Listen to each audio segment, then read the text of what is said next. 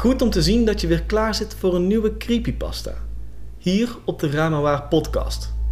Dit is de plek waar ik al mijn YouTube video's upload, zodat je ze kunt luisteren zonder dat je een scherm nodig hebt. Voor als je bijvoorbeeld onderweg bent. Je kan mijn stream supporten door te abonneren op Ramawaar op YouTube en door mij te volgen op Instagram op Marcello1. Veel plezier met deze creepypasta. Het Ouija-bord, Charlie Charlie. Sommige spellen zijn niet bedoeld om gespeeld te worden. Een van die spellen waar je maar beter ver van vandaan kunt blijven heet Lichten uit, of in het Engels Lights Off.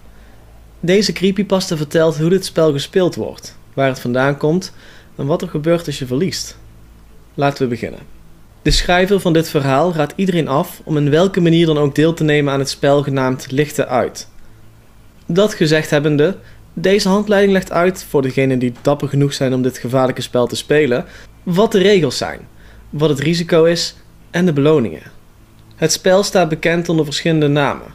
Zo noemen sommigen het lichtknop, kameroorlog of simpelweg switch. Hoe het ook genoemd wordt, de regels zijn altijd hetzelfde. Voordat ik het spel ga uitleggen en ga vertellen over de geschiedenis ervan, wil ik iedereen nogmaals duidelijk maken dat dit geen spel is voor degenen die snel bang zijn. Alleen degene die in goede fysieke gezondheid verkeert en de consequenties kan ervaren, mag deelnemen aan het spel. Het doel bij lichten uit is simpel. Twee spelers krijgen de taak om alle lichten uit of aan te doen in een gebouw naar keuze. Het spel houdt op wanneer een van de twee spelers erin slaagt om alle lichten aan of dus uit te doen. Dus als de speler met de opdracht lichten aan als eerste alle lampen in het gebouw aan heeft, wint deze. Heeft degene met de opdracht alle lampen uit als eerste alle lampen het gebouw uit, dan wint deze. Je moet je ervan bewust zijn dat dit, ondanks dat dit een spel is voor twee spelers, het maar gespeeld kan worden met één persoon. Wat nu nog simpelweg de tweede speler genoemd wordt, krijgt later in de handleiding een verdere uitleg. Laten we voor nu doorgaan met de korte geschiedenis van het spel. De geschiedenis van het spel is op zijn zachtst gezegd obscuur te noemen. Ook al weet niemand wanneer het spel precies uitgevonden is. Er gaan geruchten dat het spel vrij snel na de massaproductie van de gloeilamp ontstaan is. Er zijn dagboeken daterend uit de 20e eeuw gevonden waar het spel of spellen die erop lijken in beschreven worden. Het zou bekend zijn geweest in Amerika, Europa en Zuidoost-Azië. De bekendheid van het spel kreeg altijd een enorme boost tijdens oorlogen en tijden van hongersnood. Er wordt gedacht dat dit komt door de unieke en waardevolle beloning door het winnen van het spel. Ergens mid 20e eeuw verdween de bekendheid van het spel bij het grote publiek. Gedurende het jaar 1950 tot nu, gedurende de jaren 1950 tot nu is het spel bijna vergeten. Lichten uit werd sinds het niet meer bekend is onder het grote publiek, vooral besproken in Wicca-communities en forums op het deep web. Deze handleiding is bedoeld voor leden van deze communities mensen die weten van het bestaan van het spel. Behoor je niet tot deze gemeenschap, dan moet je stoppen met het kijken van deze video en jezelf weerhouden om dit spel ooit te spelen. Zoals eerder vermeld is Lichten Uit een spel wat je speelt met twee spelers. Als je verkiest om deel te nemen aan het spel, dan ben jij automatisch speler 1. Dit omdat speler 1 altijd het spel start. Als speler 1 heb je de mogelijkheid om het gebouw te kiezen waar het spel gespeeld gaat worden. Je krijgt ook de keuze om een kant te kiezen, ik raad aan om lichten aan te kiezen, omdat je anders in het donker moet rondrennen. En als laatste mag je de startpositie van speler 2 bepalen. Speler 2, die vanaf nu het genoemd zal worden, wordt opgeroepen door speler 1. Hoe dat precies in zijn werk gaat, leg ik ietsje verder in de video uit. Wanneer het opgeroepen is, voelt het vaak als een koude of warme windvlaag. Er zijn meldingen gemaakt dat de windvlaag vaak gepaard gaat met de geur van rottend vlees of afval. De tweede speler volgt dezelfde regels als speler 1 tijdens het spel. Er is door spelers van het spel opgemerkt dat het vaak wel verschillende voordelen heeft. Net als dat de speler een voordeel heeft met het opzetten van het spel.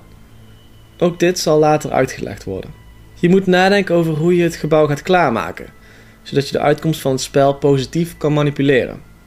De regels van lichte uitspreken redelijk voor zich. Tijdens het maken van deze video weet ik van het bestaan van 7 regels. Regel 1. Het spel mag alleen gespeeld worden tussen middernacht en 4 uur s'nachts. Regel 2. Het speelveld moet bestaan uit een afsluitbaar gebouw, verschillende kamers en gangen waar zich een lichtschakelaar bevindt. Regel 3. Het gebouw moet minimaal 8 verschillende kamers en of gangen hebben. Regel 4. De speler moet alleen zijn tijdens het opzetten van en tijdens het spel. Lukt dit niet, dan verlies je automatisch. Regel 5. Het spel moet beginnen met een even aantal lampen aan en uit. Als je een oneven aantal kamers of gangen hebt, dan mag je het bepalen door een munt op te gooien. Zodra het spel begint, is het pas afgelopen wanneer één speler in geslaagd is alle lampen aan of uit te doen. Regel 6. Zodra het spel begint, is het pas afgelopen wanneer één speler in geslaagd is alle lampen aan of uit te doen. Regel 7. Het gebruiken van machines of vallen is niet toegestaan en zal resulteren in een automatisch verlies. Wanneer iemand wil deelnemen in het lichte uitspel, moeten verschillende voorbereidingen worden getroffen. Wanneer iemand wil deelnemen in het lichte uitspel, moeten verschillende voorbereidingen worden getroffen. Misschien wel het meest belangrijkste is het gebouw waar je het spel gaat spelen. In de regel staat dat je minimaal 8 kamers moet hebben met een lichtbron, maar er staat niet tot hoeveel kamers je kunt gaan. Om je eigen winkans te vergroten, raad ik aan om het spel te spelen in een gebouw met maximaal 12 kamers. Ga niet een kantoorpand of villa met meerdere kamers gebruiken. Het is vaak extreem moeilijk om alle lampen op tijd aan of uit te doen, mocht het gebouw te groot zijn. Een kamer is elke ruimte in een gebouw die afgesloten is door vier muren en waar zich een lichtbron bevindt die aan of uit kan. Dit betekent dus ook dat je gebruik kunt maken van slaapkamers, badkamers, garages, maar ook kasten waar een lamp in zit. Als er een ander gebouw zich in het speelgebied bevindt, maar los staat van het gebouw waar je spel gaat spelen, dan valt deze buiten het speelveld. Het wordt aangeraden dat speler 1 een plek kiest waar hij bekend is. Is het bij zijn eigen huis of bij een huis van een vriend of familielid? Als het gebouw eenmaal gekozen is, wordt het tijd voor de volgende stap. Verwijder alle voorwerpen die de toegang tot een lichtschakelaar blokkeren. Deurstoppers mogen gebruikt worden om deuren open te houden, zodat je sneller van kamer tot kamer kan komen. Ben er vervolgens zeker van dat alle lichtschakelaars dit doen. Herinner de plattegrond van het huis en zorg dat je vast een route in je hoofd hebt. Je kan deze ook van tevoren doorrennen en timen, zodat je weet welke route het snelst is. Aannemend dat je alle schakelaars vrijgemaakt hebt van enig obstakel, is het nu de tijd om de rest van het spel klaar te zetten. Het wordt aangeraden om jezelf bekend te maken met dit gedeelte van het handboek. Dit omdat het opzetten van het spel al het halve gevecht is. Doe je dit goed, dan vergroot je de kans om te winnen enorm. Behalve dat het spel een goede conditie van je eist, moet je ook strategisch kunnen denken. Het opzetten van het spel is een gecompliceerd proces en het duurt lang voordat je het kunt gaan starten. Het eerste wat je moet doen is een tijd kiezen om te spelen. Zoals eerder verteld, moet het spel gespeeld worden tussen middernacht en 4 uur s'nachts. Velen denken dat deze tijd gekozen is omdat het dan het witching hour is, oftewel het spookuur. Wat die reden ook is, het is van groot belang dat je de game zo vroeg mogelijk start. Oudspelers gaven aan dat het spel moeilijker wordt naarmate het later is. Als je een echte uitdaging wilt, kun je beginnen tussen 1 en 2 uur s'nachts. 5 over 2 is de laatste gerapporteerde tijd waarbij iemand het spel heeft gestart en heeft gewonnen. Er zijn aanwijzingen dat mensen geprobeerd hebben deze tijd te verbreken, maar daar is nog geen bewijs voor. Verder moet opgemerkt worden dat hoe langer je doorspeelt, hoe moeilijker het wordt. Dat betekent dat je het spel zo snel mogelijk moet afronden. Zodra de starttijd gekozen is, moet je er zeker van zijn dat je helemaal alleen bent in het huis. Als je er zeker van bent dat alle deuren en ramen gesloten zijn, is het tijd om een voorwerp te kiezen, waar je veel persoonlijke waarde aan hecht. Geen zorgen, dit hoeft niet opgeofferd te worden. Plaats dit voorwerp in de kamer waar je het wilt oproepen. Als je dit gedaan hebt, mag je de lampen aan of uit doen. Als de startkamer de lampen aan heeft, zal het alle lampen aan moeten zetten. Doe je de lampen uit, dan zal het alle lampen proberen uit te zetten. Het is nu tijd om een even aantal lampen in je gebouw aan of uit te zetten. Dit mag je zo strategisch uitdenken als je wilt, zolang je jezelf maar aan de regels houdt. Als dit gedaan is, schrijf op een stuk papier datgene waar je het meest naar verlangt. Dit kan van alles zijn van materiële dingen tot liefde, roem of kennis. Maar let op, hetgene wat je vraagt mag niet onmogelijk zijn. Zo kun je bijvoorbeeld niet een dood persoon levend maken, door de tijd reizen of jezelf kracht te geven. Wanneer je klaar bent met het opschrijven van hetgene waar je het meest naar verlangt, leg je het document neer in de kamer waar jij begint. Het ritueel om het op te roepen kan nu beginnen. Hoe dat precies in zijn werk gaat, zal niet uitgelegd worden in deze handleiding. Dit om te voorkomen dat degene die lichtelijk geïnteresseerd is in het spel het niet voor de grap gaat proberen. Het ritueel is meerdere malen gedocumenteerd, op en buiten het internet. Mocht je het echt willen proberen, dan kun je met wat geduld en doorzettingsvermogen het ritueel zo vinden. Wanneer je het ritueel uitgevoerd hebt, heb je 60 seconden om je weg terug te vinden naar jouw startkamer. Mocht je de verkeerde kamer binnenlopen, dan start het spel niet en moet je het ritueel opnieuw uitvoeren. Bevind je jezelf in de juiste kamer, maar start het spel niet, dan heb je iets verkeerds uitgevoerd in de setup fase. Je kan de setup fase zoveel herhalen als je wilt. Het wordt wel aangeraden dat je dit maar eenmaal per nacht herhaalt, zodat je niet te laat begint. Je weet dat het spel gestart is wanneer alle lampen in het huis eenmaal aan en uit flikkeren. Raak niet in paniek. Dit betekent alleen dat het spel gestart is. Mocht het flikkeren van de lampen aanhouden, dan betekent dit dat er iets mis is met de elektronica. Wanneer het spel start, is het tijd om te rennen. Je moet proberen zo snel mogelijk te rennen en de lichten aan of uit te doen. Stop pas met rennen als het spel afgelopen is.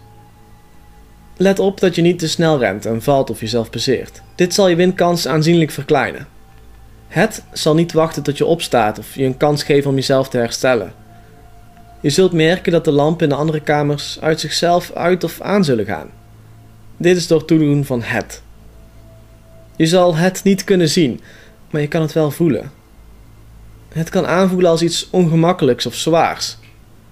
Ben niet gealarmeerd wanneer je het voelt. Het kan jou niets aandoen tijdens het spel. Spelers merkten op dat het in het begin ongeveer 5 seconden duurt voordat het een lamp aan of uit doet in een volgende kamer. Hoe langer het spel duurt, hoe sneller het de lampen aan of uit kan zetten. Of dat het zich de indeling van het gebouw herinnert. Na 1 uur 45 zal het minder dan 2 seconden nodig hebben om een lamp aan of uit te zetten. Het is ideaal om een spel te beëindigen binnen de eerste 5 minuten. Je uithoudingsvermogen begint na dit punt steeds meer af te takelen, terwijl het alleen maar sneller wordt. Een spel dat langer duurt dan 15 minuten is vaak een verloren zaak. Maar dit betekent niet dat je zomaar moet opgeven. Het langst gewonnen spel zou 38 minuten geduurd hebben. Je zal merken dat het spel afgelopen is wanneer alle lampen nog eenmaal aan en uit flikkeren. Je zal weten dat je gewonnen hebt en hetgene wat er zal gaan gebeuren. Bij winst. Gefeliciteerd. Je hebt het spel gewonnen. Ga terug naar je startkamer en kom tot ontdekking dat je grootste verlangen, die je op papier had gezet, is verdwenen. Je kan nu verleid worden om achterover te leunen en te wachten tot je wens uitkomt. Maar zo werkt het niet. Je grootste verlangen wordt je niet zomaar toegereikt. In plaats daarvan zul je nu merken dat er deuren voor je geopend worden, die eerst gesloten bleven. Waardoor je grootste verlangen ineens makkelijk te bereiken is. Deze conclusie is getrokken door verschillende succesvolle acteurs, CEO's, muzikanten, YouTubers en andere artiesten. Nogmaals gefeliciteerd. Je bent er nu zeker van dat je grootste wens uit gaat komen. Er is niet veel bekend over wat er precies gebeurt als je verliest met lichten uit. Dit komt doordat degenen die verloren hebben niet geïnterviewd kunnen worden. We weten dat meerdere mensen per jaar deelnemen aan het spel, dankzij audio- en videoverslagen, forumposts of documenten gevonden bij de verliezende deelnemers in huis. Wanneer een persoon heeft aangegeven het spel te willen spelen en er vervolgens niets meer van diegene vernomen is, dan wordt aangenomen dat deze het spel verloren heeft. Het merendeel van degenen die verloren heeft, wordt uiteindelijk opgegeven als een vermist persoon. En er zijn maar weinig lichamen echt teruggevonden. Deze mensen zouden dan omgekomen zijn door een ongeluk of zelfmoord.